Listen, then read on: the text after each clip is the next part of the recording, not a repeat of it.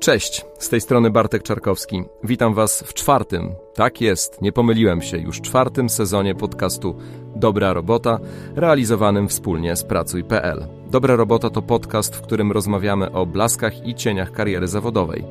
Zapraszamy inspirujących gości, którzy dzielą się swoją wiedzą, doświadczeniem, a czasem też podpowiadają, jak odnaleźć się na rynku pracy, jak pokierować swoją karierą zawodową i jak znaleźć, to ważne, złoty środek między pracą a życiem osobistym. Zapraszam. To jest podcast Dobra Robota. Witam Was bardzo serdecznie, Bartek Czarkowski.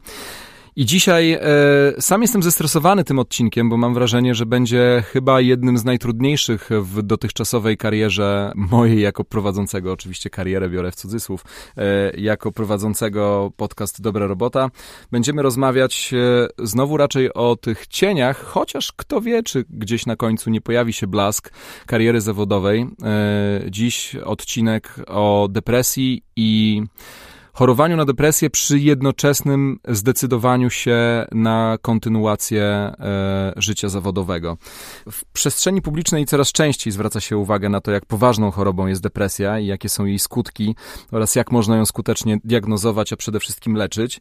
I w dzisiejszym odcinku porozmawiamy o depresji, skupimy się na tym, e, jak kiedy my lub ktoś nam bliski choruje na depresję, pozostając jednocześnie aktywnym zawodowo. To odcinek, w którym przede mną dwójka gości. E, Ania Cyklińska. Dzień Cześć. dobry, cześć Aniu. Anię może znacie jako e, psychologa, ale pewnie przede wszystkim jako osobę, która prowadzi e, niezwykle często odwiedzany profil na Instagramie Psychoedu.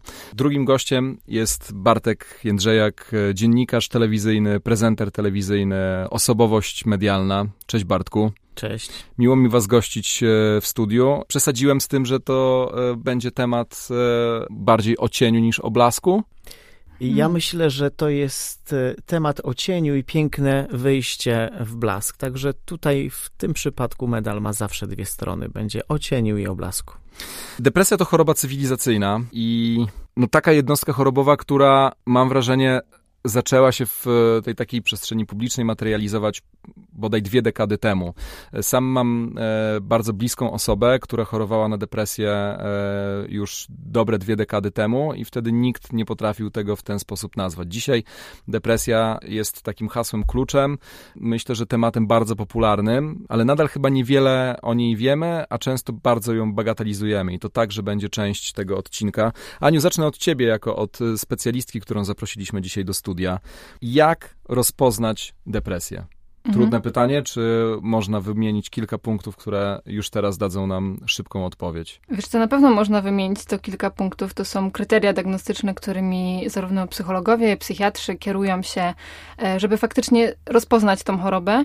Natomiast, e, tak jak trochę powiedziałeś, nie zawsze jest tak łatwo, bo często ta depresja gdzieś umyka pod innymi zachowaniami, przez które może się wydawać, że no, wszystko jest okej, nie, nie jest tak źle z tą osobą. E, Depresja jest też przede wszystkim mm, rozpoznawana jako takie zaburzenie nastroju, czyli osobie towarzyszy, mówi się o takim dużym smutku, o anhedonii, czyli po, takim poczuciu, że nie mam siły, nic mi się nie chce, ale też nie musi to być wcale reguła, ponieważ wiele osób e, może maskować depresję, to znaczy wydawać się nadal sympatycznym, nawet radosnym, szczególnie właśnie w takich sytuacjach zawodowych, kiedy ktoś jest obowiązkowy i stara się przychodzić do pracy, będzie tam dawał z siebie nawet 110%, a potem okazuje się, że no w domu kładzie się na łóżko i nie ma siły potem rano, rano się z niego zwlec. To jest em, też em, efekt takiego błędnego koła, w które można się zapędzić, bo e, depresja w dużej mierze wynika Powiedziałeś, że jest chorobą cywiliz- cywilizacyjną i faktycznie ona w dużej mierze wynika e, z też e, nagromadzenia się stresu i, i braku jakiegoś ujścia jego. A stres to nie tylko jakieś sytuacje życiowe, których każdy z nas doświadcza, ale też no właśnie to tempo życia, e, nawet e, wszystkie rzeczy, które mogą nas stresować, to jedzenie, zanieczyszczone powietrze, brak właściwej higieny snu, e, to jest coś dużo bardziej metafizycznego niż sobie zazwyczaj o tym mówimy, że coś nas stresuje. I wszystkie te czynniki mogą doprowadzić do złożenia się na różne objawy, które właśnie diagnozujemy jako zaburzenia depresyjne. I każdy z tych przypadków będzie wyglądał trochę inaczej. I my oczywiście tymi diagnostycznymi kryteriami się posługujemy, żeby to jakoś zweryfikować, skategoryzować, ale to nie znaczy, że jeśli ktoś będzie wydawał się mm, no, przytomny w pracy, czy, czy właśnie wręcz jakoś wesoły, to nie powinno uśpić naszej e, czujności. Czy depresję możemy podzielić na mniejszą, średnią, większą? E, czy ta mniejsza jest do zatrzymania w pewnym momencie, jeszcze bez użycia farmakologii i bez e, spotkań z psychoterapeutą? Mhm. E, czy to jest choroba, która właściwie bez wejścia osoby trzeciej, czy właśnie farmakologików jest nie do zatrzymania? Mhm, tak, do, trafnie tu spostrzegłeś, że są te trzy stadia. Mówi się o właśnie epizodzie łagodnym, umiarkowanym czy średnim i o dużej depresji. To jest takie z angielskiego major depression. E, I, I faktycznie tu mówimy o nasileniu objawów, e, ale też o ich ilości, ponieważ czasami to może, e, mogą niektóre objawy dochodzić, ale mogą niektóre po prostu się różnić też względem osoby.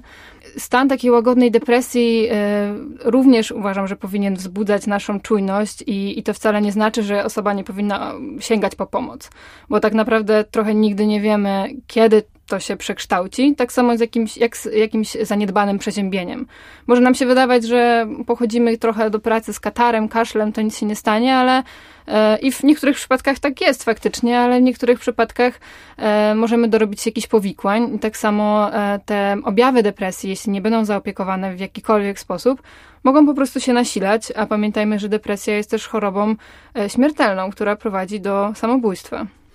Bartku, w jaki sposób ty zorientowałeś się, że to, co ci dolega, mm, e, to jest depresja? Ty od kilkunastu miesięcy jesteś tą osobą e, w środowisku medialnym, która mówi wprost o tym, że zachorowałeś na depresję, że walczyłeś z depresją i że z niej wyszedłeś. E, był to proces i o tym procesie sobie tutaj porozmawiamy, no ale zanim doszedłeś do tego punktu, w którym jesteś dzisiaj z nami w studiu, no to przechodziłeś różne fazy. Odnalazłeś się w którejś z tych opowieści Ani? Właściwie jak słuchałem tego, co mówi Ania, to tak jakbym słuchał o sobie. E, ale chciałem rozpocząć od tego, wiesz, że nie jestem tutaj dlatego, żeby zostać psychocelebrytą, a o depresji zacząłem mówić dlatego, ponieważ mam wrażenie, że to jest temat zamiatany pod dywan. Depresja to jest choroba głowy, choroba mózgu. I mózg ma tak samo prawo chorować, jak choruje serce, wątroba, gardło, płuca, nerki czy kości. E, my skupiamy się bardzo często na leczeniu naszych organów, czujemy ból serca, coś nas kłuje pod wątrobą, od razu pędzimy do lekarza. Kiedy zaczyna chorować mózg, czyli najważniejszy organ w naszym e, organizmie, my to zamiatamy pod dywan. I e, bardzo się cieszę, że coraz częściej e, mówi się o depresji. Przedstawiając depresję, trochę poczułem się tak, jakbyś mówił o gwieździe popkultury albo rocka, tak ją trochę przedstawiłeś, że ona zaczyna, ale to dobrze, to bardzo dobrze i to fajnie. A wracając do Twojego pytania, ja widzę siebie. Ja, a propos tego, co mówiła Ania, jestem standardowym przykładem depresji cywilizacyjnej. Jest kilka rodzajów depresji. Depresję możemy mieć z powodu śmierci najbliższej osoby, z powodu poważnego wypadku. To są incydenty. Ale tak jak powiedziałeś, w przeciągu najbliższych kilku lat y, depresja wyprze z pierwszych miejsc na liście WHO, czyli Światowej Organizacji Zdrowia, takie choroby jak nowotwory czy choroby y, związane z krążeniem, z układem krążenia. Depresja będzie miała pierwsze miejsce. Ja jestem ewidentnym przykładem depresji cywilizacyjnej.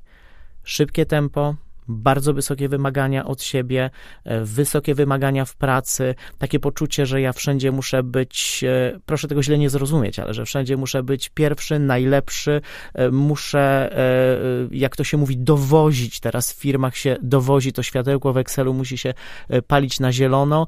Nie akceptuję błędów, nie akceptuję pomyłek.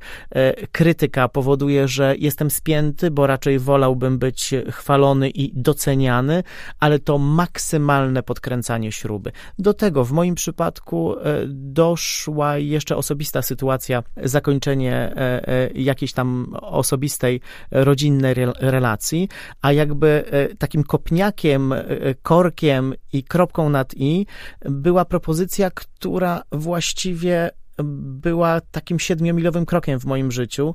Otrzymałem propozycję po wielu, wielu latach poprowadzenia e, kolejnej edycji Big Brothera, wielkiego światowego show.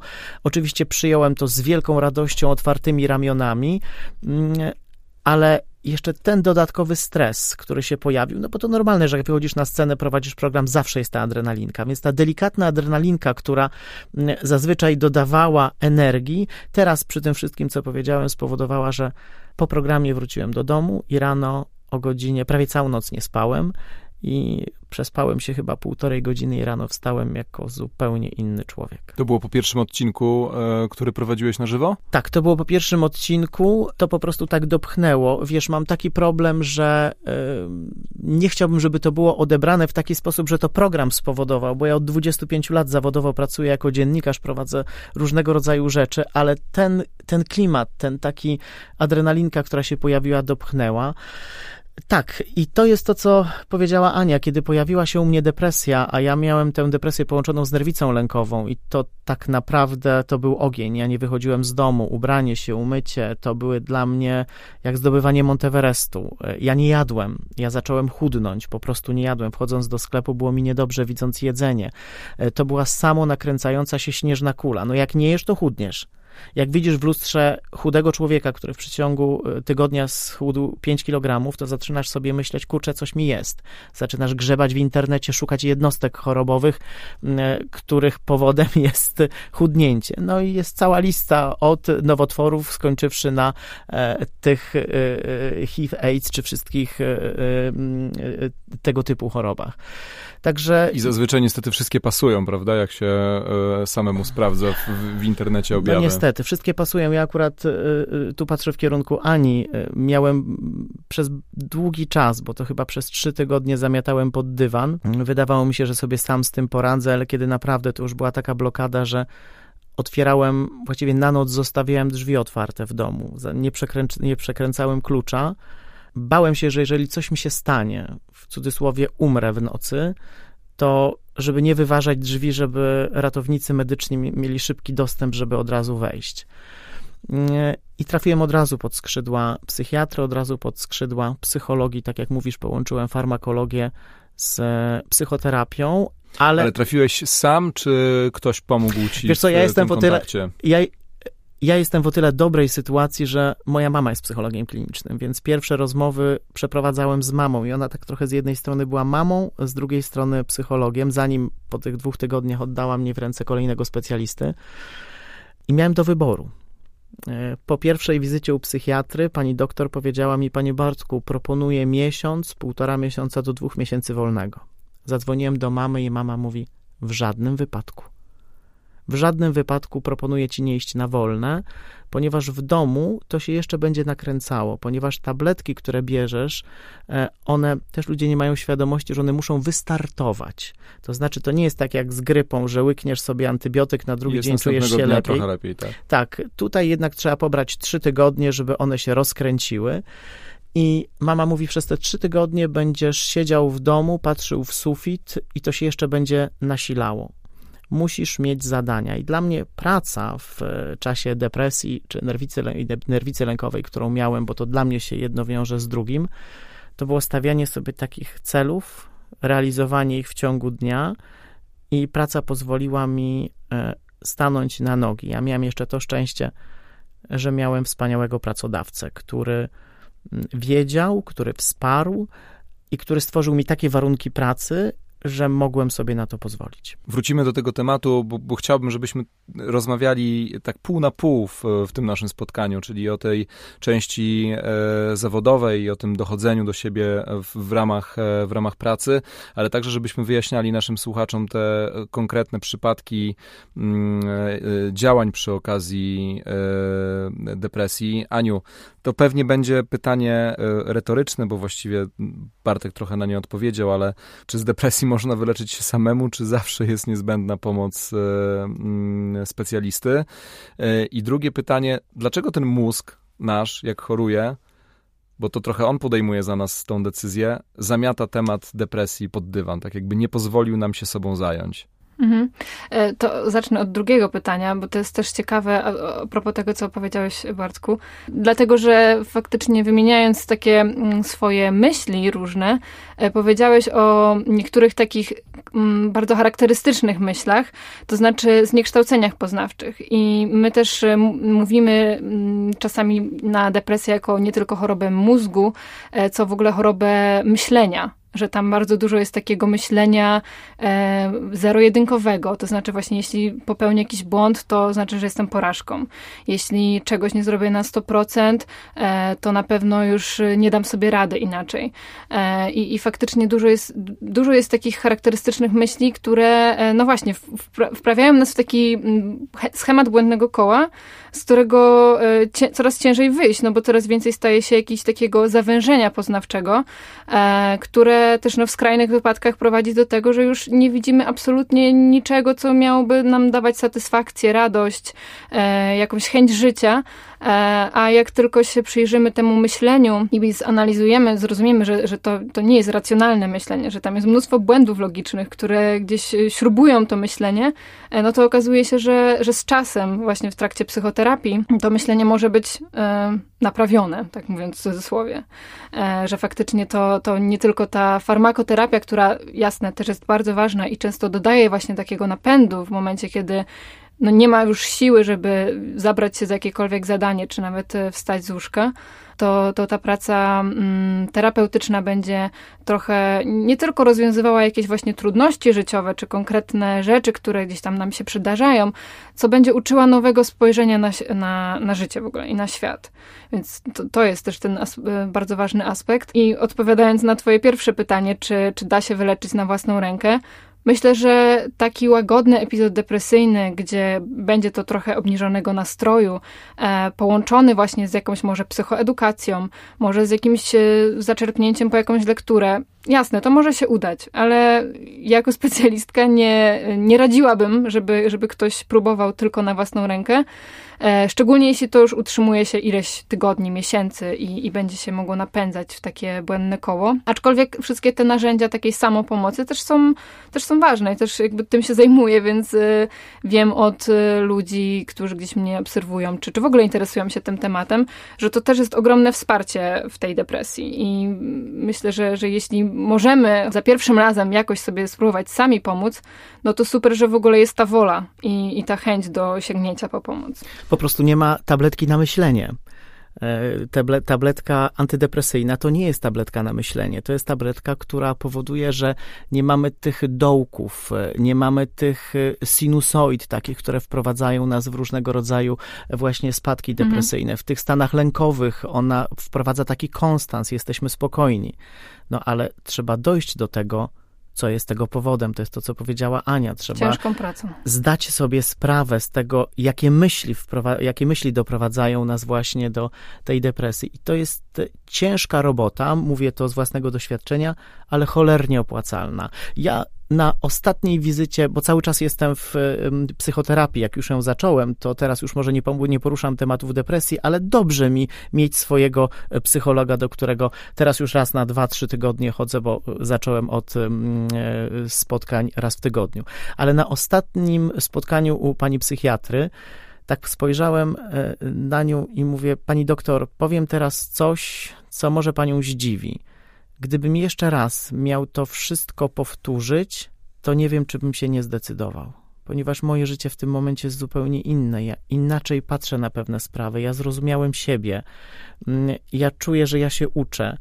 I być może ten epizod depresyjny w moim życiu miał konkretne zastosowanie. Pojawił się po to, żebym ja zupełnie inaczej spojrzał na życie. To jest to, co powiedziała Ania. Naprawił te myśli, że jak coś mi nie wychodzi na 100%, to nie jest dowodem, że jestem do bani. Bartku, zanim opowiesz nam o tym, jak wyglądała mm, ta historia e, informowania pracodawcy i e, dogadania pomiędzy wami możliwości twojej obecności na antenie i tego intensywnego nadal funkcjonowania na wizji przy jednoczesnej szczerości, że, e, że, że mogą się różne rzeczy wydarzyć, chciałem Anię zapytać o to, jak oceniasz w ogóle taką decyzję, w której łączy się życie zawodowe i nie poddaje się temu łagodniejszemu czy średniemu epizodowi, bo zakładam, że w tych bardzo takich, e, tych major depression, mhm. to już trudno też się zdecydować pewnie na, na funkcjonowanie zawodowe w takim pełnym wymiarze, ale jak to oceniasz? Czy to jest e, dobra, świadoma decyzja, kiedy chcesz łączyć tą pracę zawodową i wiesz, że to wyjście z domu, tych kilka godzin e, z ludźmi, tych kilka godzin przy komputerze, tych kilka godzin z zajęciami staje się jakąś, jakąś formą te, też terapii? Mhm. Już myślę, że to bardzo dużo zależy jednak od, od, od tego, od jednostki, tak, ale od tego też, czym jest ta praca i co, co tam się robi.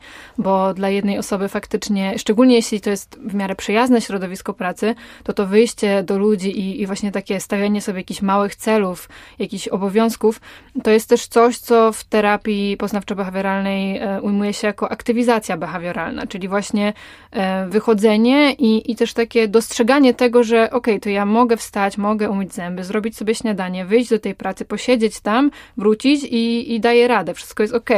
Tylko, że pewnie nie każdy pracodawca będzie um, patrzył przychylnym okiem, czy będzie mógł um, wystosować jakiś kompromis, tak, typu, nie wiem, połowa tygodnia na pracy zdalnej, czy może jakieś zmienione godziny pracy dostosowane do Twoich potrzeb. E, i, I pewnie w niektórych przypadkach to pójście na L4 e, i, i zrobienie sobie wolnego będzie bardziej wspierające i pomocne, no ale to też powinno być e, wspólną decyzją i specjalistów, i osoby chorującej, być może też właśnie środowiska, tak jak ty powiedziałeś Bartku, że, że twoja mama dała ci taką trafną uwagę, to myślę sobie, że też, nie wiem, partner, osoba bliska, e, która będzie bardziej czasami obiektywnie patrzyła na tą sytuację, będzie w stanie jakoś doradzić. Bartku, rzeczywiście mama pomogła ci podjąć tą decyzję, czy potem rozmowa z pracodawcą także dała ci taki impet, że wychodzisz z domu i że mimo trudności, bo ja wiem, no, przygotowywałem się do tej, do tej rozmowy, więc wiem, że to były trudności, e, że podjąłeś e, decyzję, że zostajesz w, w życiu zawodowym. Wiesz co, Bartek, ja bym e, zaczął od pytania, kim jest pracodawca. Pracodawca to jest człowiek. To jest nasz szef, dyrektor, to jest prezes. Powiedziałbym tak, dobrze, gdy tak jest. Ale wiesz co, to bez względu na to, jaki ma charakter, czy jest dobrym szefem, czy złym, to nie ma podpisanej umowy z Bogiem, czy z jakąś siłą, że nigdy nie zachoruję na depresję. Dzisiaj zachorowałem ja jako pracownik, a jutro mhm. może zachorować mój prezes, mój dyrektor, mój zwierzchnik, który jest silny, e, jest świetnym biznesmenem albo bizneswoman, ale też siedzi przy komputerze, też ma przykręcaną śrubę, też jest ktoś nad nim, kto jeszcze czegoś wymaga. To, to, nigdy nie wiesz, na kogo trafisz. Ja przez długi czas w pracy zamiatałem pod dywan, słyszałem tylko takie informacje: Ojejku, jak ty dobrze wyglądasz, ale schudłeś. Wiesz co, a czy u ciebie wszystko w porządku? Bo ty masz takie smutne oczy. U mnie było widać po oczach. Ja akurat potrafiłem się skupić na tę chwilę wyjścia na scenę, prezentowania pogody, jakiejś aktywności, jakoś mój mózg i mój organizm działał tak, że dawałem radę. Ale w pewnym momencie pamiętam, jak jechałem pociągiem na pogodę, dostałem takiego ataku paniki w pociągu, że modliłem się o to, żeby ten pociąg się zatrzymał. Jak pociąg się zatrzymał, otworzyły się drzwi, ja wysiadłem na peron, bałem się wsiąść do pociągu. Jak następnego dnia zadzwonił do mnie wydawca programu i mówi, słuchaj Bartek, wiesz co, bo jeszcze mamy taki plan, żebyś przejechał z miejsca w miejsce i tu zrobił pogodę, to powiem wam, że jako mężczyzna nie wytrzymałem, rozpłakałem się do telefonu i powiedziałem, ja nie dam rady. I wtedy usłyszałem, ale dlaczego, co się dzieje? Ja mówię, wiesz co, bo ja mam depresję i mam z tym problem. Natychmiast. I to był pierwszy, przepraszam, e, taki komunikat tak. E, w twoim środowisku pracy? Tak, nie, tak, tak, tak. Nie było to oficjalne zawiadomienie zespołu, tylko po prostu no, w pewnym momencie zostałem przyparty do muru mm, e, i, i tak się zdarzyło. No i od razu usłyszałem, słuchaj, chcesz jechać czy nie? Ja mówię, dobrze spróbuję. Gdyby cokolwiek było nie tak, natychmiast mów, jesteśmy z tobą. Gdybyś potrzebował pomocy, jesteśmy z tobą. Mówię, nie, pomoc mam. Gdyby było coś źle, gdybyś potrzebował wolnego, dawaj znać. Wiecie, nie zwróciliśmy jeszcze uwagi na jedną rzecz. Kobieta, mężczyzna. Kiedy kobieta mówi, mam depresję, broń Boże, nie chcę tutaj generalizować, ale przychodzi nam trochę łatwiej to zaakceptować kiedy silny mężczyzna, my żyjemy od lat w stereotypach, od dziecka w stereotypach, kiedy silny mężczyzna, głowa rodziny ma depresję, E, jest problem. Ja nie powinienem tutaj do tego studia wnosić telefonu, ale specjalnie go wniosłem, ponieważ jadąc do studia dostałem wiadomość. Od momentu, kiedy zacząłem publicznie o tym mówić, bardzo dużo ludzi pisze do mnie wiadomości. Każdego dnia dostaję ich kilka. I na przykład dostałem taką wiadomość. Witam serdecznie, panie Bartku. Widziałem pana wywiad na temat lęku i nerwicy. Sam cierpię na to od dwóch lat. Robiłem różne badania serca, tarczycy, wszystko ok. Na końcu wylądowałem u psychiatry i psychoterapeuty. Są lepsze i gorsze dni, ale nigdy nie pomyślałem, że może być to depresja i nerwica. Wszystko zaczęło się, kiedy zmarł mój mały synek. No i potem jest e, dalej historia. E, chciałem, żeby mówić o tym publicznie, że mężczyźni też cierpią, mają uczucia, bo czasami nie warto być twardym, dusić wszystkiego w sobie. Chciałem się tylko z panem tym podzielić. Kiedyś napisał do mnie też facet, biegam maratony, jestem silnym, świetnie zbudowanym mężczyzną, mam żonę, dwójkę dzieci, a każdego ranka budzę się, siadam na łóżku i płaczę. To jest też bardzo przykre, dlatego że faktycznie w tych statystykach dotyczących um, depresji, wiadomo, że te statystyki są w pewien sposób ograniczone, ale to um, kobiety bodajże do 25% mają takie ryzyko zachorowania w ciągu życia. Mężczyźni, z tego co pamiętam, około 12. Maksymalnie 12, ale to też Wyniki różnią się między badaniami. Natomiast e, jeśli spojrzymy na statystyki samobójstw, no to tam mężczyźni już przeważają. Niestety. Bardzo przeważają. A wydawałoby, się, przeważają po prostu. a wydawałoby się, że kobiety to taka słaba płeć, prawda? Tak, no i te wszystkie um, statystyki, czy, czy właśnie te um, stereotypy, które mamy, też no nie, nie, dają nam takiego pełnego obrazu, bo z kolei e, choroba alkoholowa też w dużej części dotyczy mężczyzn. Nie? I po prostu te, te stereotypy faktycznie jakby są nadal aktywne, mimo że już coraz więcej o tym się rozmawia e, i będą powodowały, że no, ciężej będzie o tym rozmawiać, a czasami właśnie ta rozmowa jest jakimś przełomem i, i to, że ktoś daje nam akceptację i mówi słuchaj, no nie musisz tego robić, jakby nic się nie stanie, świat się nie zawali, to, to daje takie poczucie, że, że no, mam prawo trochę zwolnić, nie? I mam prawo w ogóle wyrazić te swoje emocje i nikt mnie nie odrzuca za to. Ale przez to, że nie mówi się o depresji, my o niej nie mówimy i zamiatamy pod dywan, my nie umiemy z nią żyć. Kiedy przychodzi ktoś do domu, do pracy, jest wokół nas przyjaciel, znajomy, sąsiad, dalszy, bliższy, mówi, wiesz, e, mam e, raka, mówi, wiesz, mam zapalenie płuc, kurczę, coś gdzieś się dzieje z kośćmi to, to wiemy, jak, wiemy, jak zareagować. Wiemy, jak zareagować. A, a przy, tak, przy informacji o, o, o, depresji jest, e, jest dużo trudniej. No to wracam do tego pytania, bo mm, najpierw była ta, ten komunikat do twojego współpracownika, jak rozumiem, tak, pewnie jakiegoś wydawcy programu, tak. e, kogoś, kto pilnuje scenariusza, planuje kolejny dzień w Dzień Dobry TVN. A kiedy ta informacja i w jaki sposób dotarła do przełożonych? E, I to jest pytanie, Bartku, do ciebie, a Aniu, do ciebie, co zrobić, kiedy, bo, bo tu wiemy, że to się udało, a, mhm. a co, co zrobić wtedy, kiedy mm, nasz pracodawca e, nie traktuje poważnie e, tego, co mu właśnie przyszliśmy zakomunikować i, i, i nie daj Boże, kończy się to jeszcze takimi hasłami, no weź się w garść, albo weź sobie tam dwa dni wolnego, wypocznij tam, odpal się w weekend i, i w poniedziałek wrócisz jak nowonarodzony to, to co wtedy? I, zacznijmy od Bartka i od tej opowieści mm, o, o przełożonych, którzy się dowiedzieli i powiedzieli OK.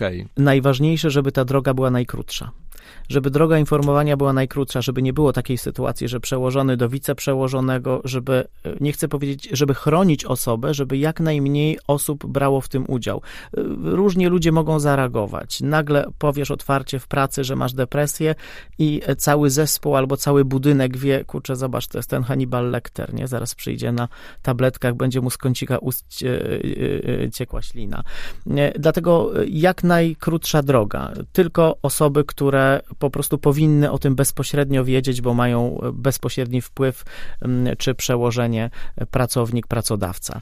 U mnie wyglądało to tak, że ja zawiadomiłem wydawcę, wydawca zawiadomił producenta programu, e, producent programu do mnie zadzwonił, e, porozmawiał, zapewnił, e, mm, jest gotowy mnie wesprzeć, że jest lekarz, że mogą mnie wesprzeć również w poleceniu lekarza. Powiedziałem, słuchajcie, na razie daję sobie radę, na razie jestem pod dobrą opieką, proszę was tylko o to, żebyście byli na mnie wyczuleni, że jeśli ja powiem, że e, potrzebuje zwolnić tempo, albo z czymś nie, gdzieś nie chce pojechać, albo że na przykład nie czuje się w tym momencie dobrze, żebyście nie traktowali tego mm, jako niechęć do pracy, tylko dali mi taką swobodę, e, żebym ja mógł podejmować decyzje, żebyście nie przypierali mnie do ściany i do niczego nie zmuszali.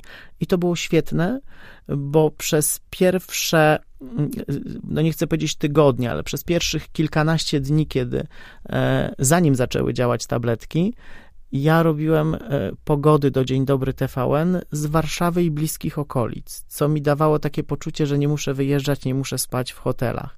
Z kolei w Big Brotherze ogromne wsparcie e, zespołu i jakby nie chcę powiedzieć zbagatelizowanie tematu, ale też nikt nie chodził, nie mówił. Ja po prostu wykonywałem swoje zadania jak najlepiej e, potrafiłem. I dla mnie to mogę powiedzieć, była taka droga właśnie do tego sukcesu, żeby pozostać w pracy, ale rozumiem, tutaj zupełnie zgadzam się z Anią, że to też zależy od stanowisk. No nie na wszystkich stanowiskach mm, można pracować z taką chorobą. Nie wiem, no nie wyobrażam sobie na przykład nie wiem, chirurga y, czy kardiochirurga, który przeszczepia serca i nagle po prostu dostaje napadu y, nerwicy lękowej i wychodzi z sali i pacjent jest zagrożony. W moim przypadku to połączenie było możliwe, dlatego to też jest zależne od zawodu, jaki wykonujesz i bezpieczeństwa chyba, i mhm. twojego mhm. współpracowników i, i ludzi, który masz, których masz wokół siebie. Tak, ja też myślę sobie, że um, ja się też spotykam z takimi wątpliwościami od osób, które na przykład pierwszy raz idą do psychiatry i mają obawę, że ich pracodawca się o tym dowie. E, więc też chciałabym podkreślić, że nie mamy obowiązku mówić pracodawcy, jeśli uznajemy, że to jest dla nas lepsza opcja i jeśli na przykład chcemy nadal zostać w tej pracy albo chcemy właśnie udać się na jakieś zwolnienie. My nie mamy obowiązku informować, nie wiem, całego zespołu, piętra, kogokolwiek. E, oczywiście nie zachęcam tutaj do kłamania i, i zakrzywiania rzeczywistości, tylko no, jest to nasza prywatna sprawa e, i jasne, rozmowa o tym będzie przełamywała bariery i zachęcam do tego, jeśli czujemy, że jest na to przestrzeń. Jeśli jednak, tak jak e, wspomniałeś, jakieś takie przykładowe teksty, które można usłyszeć, które pewnie nadal można właśnie zasłyszeć w jakichś niektórych biurach czy, czy innych pracach. No to dla osoby w depresji to będzie, no nie dość, że po prostu przykre po ludzku, co będzie jeszcze utrwalało ten schemat właśnie, że ja muszę się wziąć w garść i nie mogę dawać po sobie poznać, że, że jestem jakiś gorszy, czy że nie daję rady, że potrzebuję no, zwolnić. Dochodzi do jakiejś kolejnej porażki, tak? Że tak. liczyło się na, na wsparcie, a e, w trudnej sytuacji, jak ktoś tego kompletnie nie, nie, nie zauważa. Tylko to wsparcie musi być, musi być też podawane w odpowiedni sposób. Zazwyczaj osoby, które są w depresji, chcą czuć, przynajmniej ja tak miałem, ja chciałem czuć, że w razie problemów ktoś będzie ale nie chciałem, żeby ktoś nade mną wisiał i co pięć minut dzwonił, a jak się czuje, a czy mhm. wszystko jest w porządku, a słuchaj, a jak ty się czujesz dzisiaj, a czy zjadłeś. E, ja wręcz nie odbierałem telefonów, ale wystarczył SMS, słuchaj, jestem, jeżeli będziesz potrzebował pomocy, 24 godziny na dobę mam telefon przy łóżku. Pamiętaj, że gdyby co, jestem. Bardzo dużo dało mi na przykład to, że e, zacząłem rozmawiać z ludźmi w redakcji, którzy przechodzili dokładnie to samo co ja. E, I oni nie pytali, jak się czuję, tylko mówili: Słuchaj, tak jest, tak będzie, tak teraz pracuje twoja głowa, za chwilę będzie inaczej. Ja też tak miałem, ja też tak miałam. To, że inni byli w podobnej sytuacji, dzielili się ze mną swoimi yy, doświadczeniami, bardzo mi pomagało. Natomiast, yy, tak jak mówi Ania, być może jeżeli dowie się o tym szersze grono pracowników, to zagłaskają kotka na śmierć. A czy, ci, a czy ci coś pomóc, a czy przynieść, a jak się czujesz, a jak dzisiaj, a jesteś gotowy do pracy. Czasami... Czemu ty jesteś taki smutny? Czyli Dokładnie. Bartku, ty miałeś e, w redakcji koleżankę Sylwię, jeśli dobrze, tak, e, dobrze tak, pamiętam tak. imię, która też miała epizod e, depresyjny i która tak. była twoim wsparciem w redakcji. Aniu, dobrze jest rzeczywiście mieć taką jedną bliską osobę już, kiedy decydujemy się na pozostanie w, w życiu zawodowym. Mhm. Dobrze mieć jest rzeczywiście taką jedną, dwie osoby, które o tym wiedzą i które mogą być tym wsparciem w, w czasie tygodnia czy dnia pracy, ale warto samemu zdecydować e, też, czy, czy to jest informacja do szerokiego gremium, czy, e, czy raczej trzymamy ją gdzieś tam mhm. Tak, w no, wąskiej grupie. Myśl, myślę, że jak najbardziej warto, e, żeby ktoś wiedział, żeby też ktoś właśnie miał trochę na nas oko. E, natomiast to też, z czym ja się bardzo często spotykam, to że ludzie autentycznie nie wiedzą, jak wspierać i, i nie mają często złych intencji, mówiąc te wszystkie frazesy.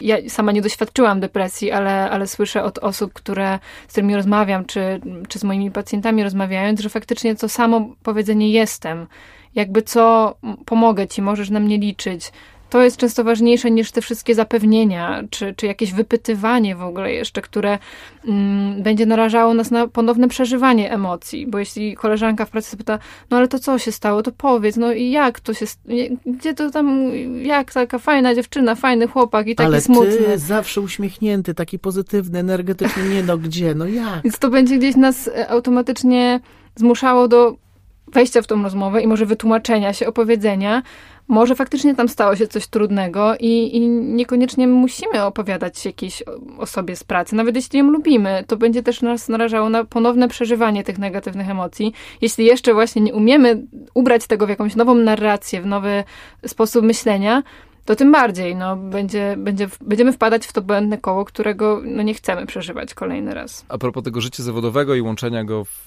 z, z epizodami depresyjnymi, to dla mnie taką najbardziej wstrząsającą historią z ostatnich lat, taką najbardziej medialną, a dotykającą właśnie epizodów depresyjnych, to jest e, samobójstwo Antonego Bourdaina, e, którego kochałem mm. jako e, hosta telewizyjnego.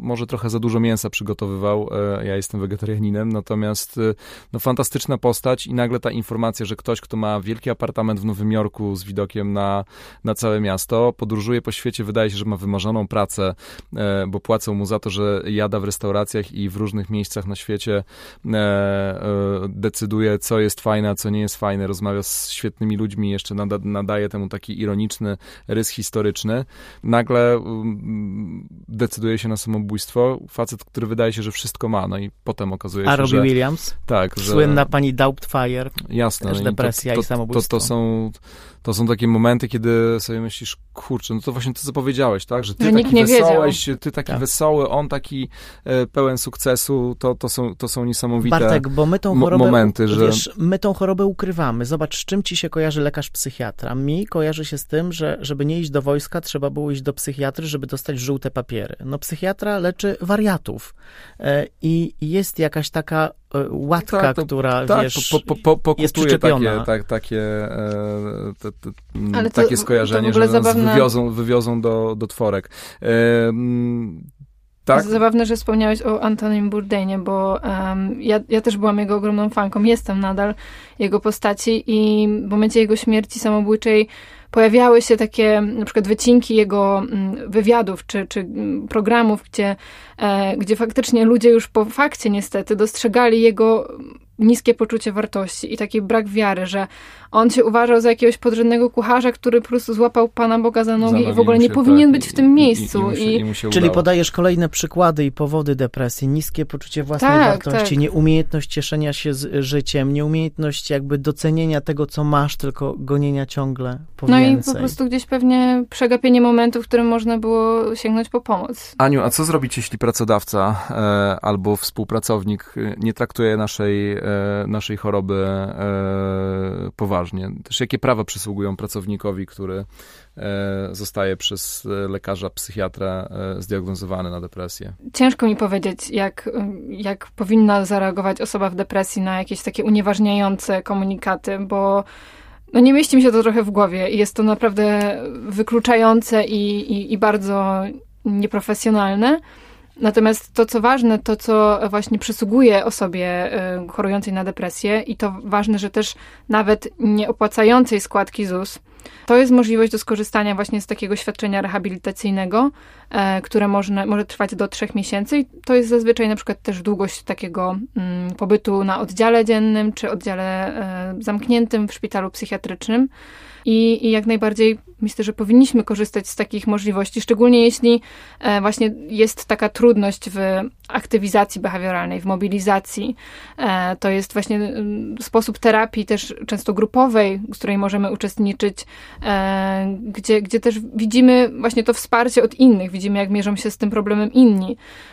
I, i, i często to będzie świetny wybór dla, dla niektórych osób. Natomiast no, ciężko mi powiedzieć, jak, jak zareagować na, kiedy pracodawca po prostu nie uznaje tej choroby. Faktycznie może wtedy, e, może wtedy pójście na, na takie zwolnienie będzie, będzie lepszym pomysłem, żeby też mieć okazję, żeby przepracować ten moment. I, i być może tam jest coś mm, w relacji z tym pracodawcą, czy z jakąś konkretną osobą, co będzie też ściągało nas w dół i, i pewnie niekiedy rozstanie się z takim miejscem pracy będzie lepszą opcją. Powiedzieliśmy o wsparciu e, współpracowników, e, jakiejś takiej wąskiej grupy, która, e, która wie o tym, że przechodzimy przez epizod depresyjny e, i oni nam pomagają, ale chciałbym przez sekundę jeszcze zastanowić się nad sytuacją odwrotną, czyli my jako pracownicy widzimy, że nasz przyjaciel, nasza przyjaciółka z biura ewidentnie ma, e, ma depresję, mhm. ale nie chce sobie tego e, uzmysłowić albo nie chce zrobić tego kroku w stronę e, farmakologii, wizyty u, u, u psychiatry czy u psychologa.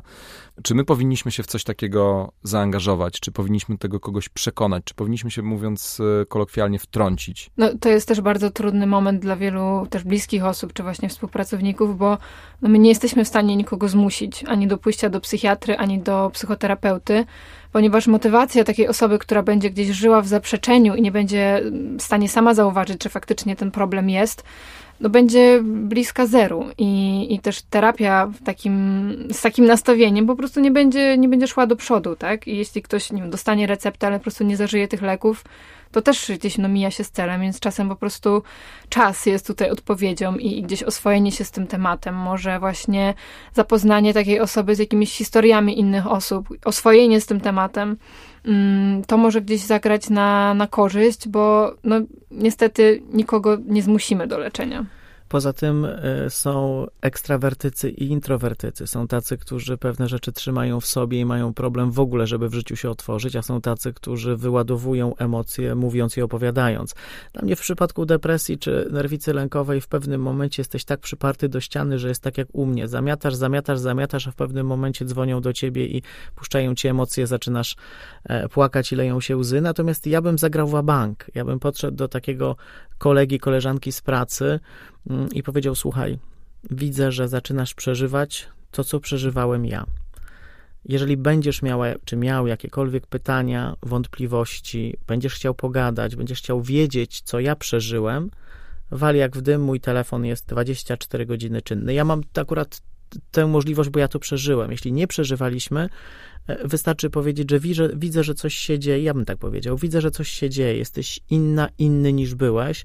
Masz smutne oczy ja jestem do dyspozycji, wiesz, że możesz dzwonić. No i też tak jak myślę, że tu siedzimy, to jednak każdy, jeśli sam nie przeżył, to ma doświadczenie jakiejś osoby mniej lub bardziej bliskiej, więc to też jest jakiś argument, którym można się posłużyć, tak, że domyślam się, co możesz przeżywać, co możesz czuć, sięgnij po pomoc. Chcę jedno pytanie y, zadać Ani, ale też pewnie ty mógłbyś się do tego, do tego odnieść, y, jako ten, który brał na siebie bardzo dużo. Y, dla mnie jest to jakieś symptomatyczne w twojej opowieści sprzed kilkunastu minut, że nadal jednak chciałeś być tym, kto bierze na siebie więcej, że powiedziałeś, że spróbujmy, że pojedziesz jednak do tego, do tego kolejnego miasta pociągiem, a nie, że zrezygnowałeś i powiedziałeś, że wrócisz do Warszawy. Ja też się z podobnymi historiami mierzyłem, a czasami nadal mierzę w swoim, w swoim życiu zawodowym. E, I właśnie, czy, Ania, czy depresję w którymś momencie można pomylić z wypaleniem zawodowym? Mm, mhm. Bo mieliśmy też w poprzednim sezonie e, dobrej roboty e, odcinek o wypaleniu zawodowym, o tym, jak się pojawia i jak też nawraca. E, ale czy jest jakaś taka e, subtelna granica, której możemy nie dostrzec pomiędzy tym, że mamy po prostu już e, dość tej pracy i, i nie chcemy więcej nawet wstawać z łóżka, żeby do niej pójść, a, a, a czy da się to pomylić z depresją? Mhm. Faktycznie w niektórych przypadkach ta granica może być cienka i, i też pewnie mogą, mogą, może to współwystępować. E, natomiast przede wszystkim w depresji mamy charakterystyczne coś, co nazywa się depresyjną triadą, czyli negatywne myślenie o sobie, o świecie i o innych. Także inni wiem, są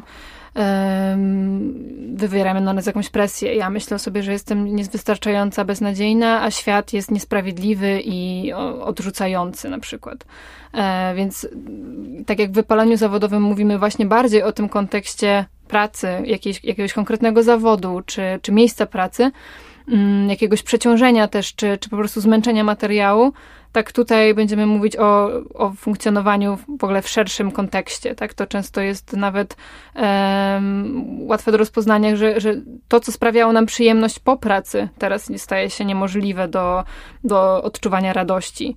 E, że, że tam jakby też dużo takich jakichś somatycznych kwestii może dochodzić. Więc powiedziałabym, że to Mm, nie jest łatwe do rozróżnienia pewnie, w, jeśli mówimy właśnie o depresji w kontekście pracy, ale z pewnością depresja dotyka bardziej całościowo. Dobra robota to popularny podcast, więc e, zakładam, że tego odcinka odsłuchuje e, sporo osób. Może jest wśród nich ktoś, kto właśnie wchodzi w epizod depresyjny i zastanawia się, czy o nim powiedzieć publicznie to na zakończenie, e, co byście takiej osobie powiedzieli, że warto e, podzielić się taką informacją z pracodawcą, e, albo czy warto rozważyć rzeczywiście kontynuację tego życia zawodowego mm, i, i przekucie tego w, w coś dobrego?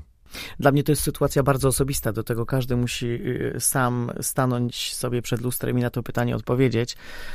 Ale człowieku, jeśli słuchasz nas po drugiej stronie, Pamiętaj, że mózg jest dokładnie takim samym organem jak wszystkie inne organy w naszym organizmie. I tak jak dbasz o zęby, o to, żeby mieć 3 minuty zęby, tak jak dbasz o to, żeby mieć wydolność serca, tak jak dbasz o to, żeby się nie połamać, żeby nie mieć osteoporozy i bierzesz tą witaminkę D, to tak samo dbają mózg. Jak się dzieje coś z mózgiem, z głową, z myślami, jest od tego lekarz. To jest psychiatra i psycholog. I to są tacy sami lekarze jak stomatolodzy, pulmonolodzy, i, e, I, podo, i podolodzy. podolodzy i wszyscy lodzy są po to, żeby nam pomagać.